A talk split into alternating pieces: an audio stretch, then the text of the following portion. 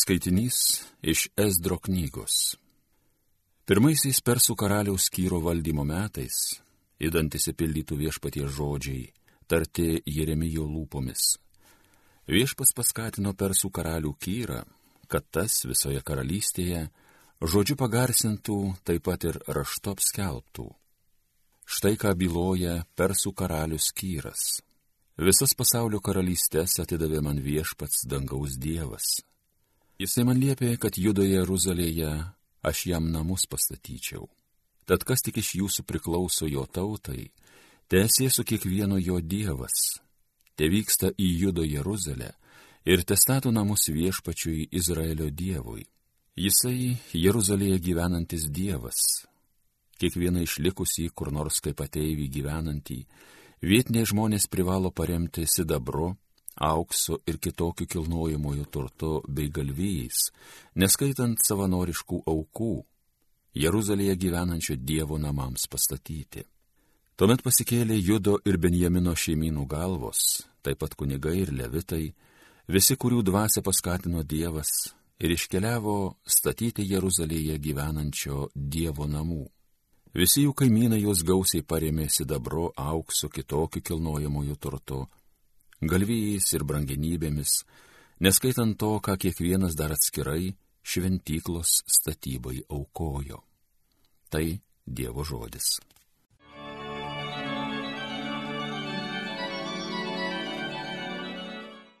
Tikrai mums viešpats stebuklą padarė.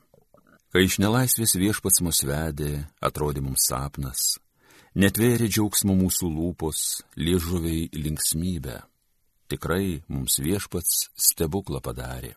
Tada pagonys kalbėjo, jiems viešpats stebuklą padarė, tikrai mums viešpats stebuklą padarė, mus aptvindė linksmybę. Tikrai mums viešpats stebuklą padarė. Kreipk viešpatie mūsų likimą, tarytum pietuos patvinusi srautą, su ašara beriamas grūdas, bet džiaugsmas pjūčiai atėjus. Tikrai mums viešpats stebuklą padarė. Žmogus eina ir verkia, į dirbą neždamas sėklą, bet grįžta ir eidamas džiaugias, derlingų nešinas pėdu. Tikrai mums viešpats stebuklą padarė. Alleluja,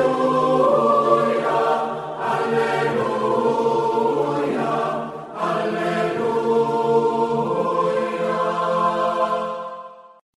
Taip, te šviečia jūsų šviesa žmonių akivaizdoje kad jie matytų gerus jūsų darbus ir šlovintų jūsų tėvą danguje. Alleluja, alleluja, alleluja.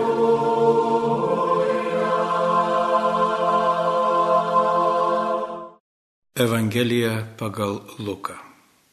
Jėzus bylojo minioms. Ne vienas uždegęs žiburį nevožė jo indu ir nekiša po lovą, bet stato į žibintuvą, kad ateinantys matytų šviesą. Nėra nieko paslėpta, kas nebūtų atskleista, nieko slapta, kas nepasidarytų žinoma ir neišeitų aikštin.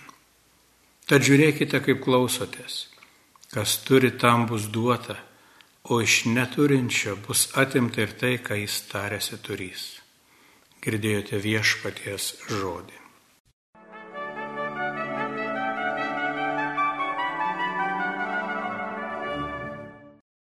Taigi šios dienos Evangelijoje Jėzus ne tik moko, bet ir perspėja.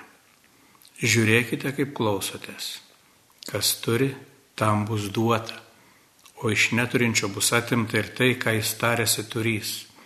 Apie kokį turėjimą kalba viešpats žinoma, apie tą šviesą, apie Dievo dvasę, kuri duota kiekvienam tikinčiajam, duota kaip malonė, įteikta kaip krikšto žvakė, kuomet kunigas įteikdamas krikštatėviams sako, saugokite tikėjimo šviesą šiame kūdikyje, kad jis dabar Kristaus apšviestas gyventų kaip šviesos vaikas. Tai išties didelis įpareigojimas kiekvienam, kuris yra atsakingas už naujo krikščionių auklėjimą.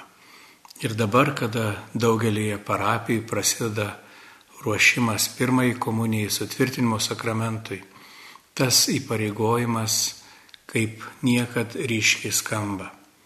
Šviesa duota, tačiau turime išmokti ją nešti ir šviesti, nešti ten, kur tyro tamsybės. Ir visų pirma, aišku, esame kviečiami pažvelgti į tai, kur yra tamsu mūsų pačių širdise, kur galbūt mes esame apleidę savo dvasios rūmą ir bijome įleisti viešpatė šviesą, nes kartais ir patiem nesmagu atrasti, kasgi ten glūdi, kaip kad ir namuose atvykstant svečiams, tikrai nenorime rodyti visų namų kampelių. Tačiau viešpats, sako, viską mato ir nėra nieko paslėpta, kas nebūtų atidengta. Įsivaizduokime tarsi nuo namų būtų nukeliami stogai ir didžiulė saulė šviesa apšviestų kiekvieną kampelį. Kol yra metas, kol yra laikas, imkime darbo. Visų pirma, savo pačių širdise, kad tai, ką šnekame ir liūdėjame, būtų tikra. Ne tai, ką išmokome ir galbūt žinome, ką reikia pasakyti, būk geras, būk mandagus, melskis, bet kad patys visų pirma būtume ir geri vienas kitam, melstumės už vienas kitą, padėtume vienas kitam. Tuomet mūsų žiburiai iš tiesų švies. Mes iš tiesų būsime tas džiaugsmo šviesos šaltinis tiems, kuriuos sutiksime. Mes nebūsime kaip tas priekaištas, bet kaip padrasinimas, kad tai yra įmanoma. Aš su Dievo pagalba siekiu to šventumo ir kviečiu ir tave eiti tuo keliu, nes žinau, kad tik taip pasieksiu amžinybę, tik taip būsiu vienybė su viešpačiu, bet pradėti turiu jau čia, ieškodamas vienybės ir bendrystės su savo broliais ir seserimis, kad kiekvienas, kuris Kristaus apšviestas, iš tiesų būtų šviesos vaikas ir liudytų amžinąją šviesą, kurią gauname per Dievo malonę. Gražios visiems dienos su viešpačiu.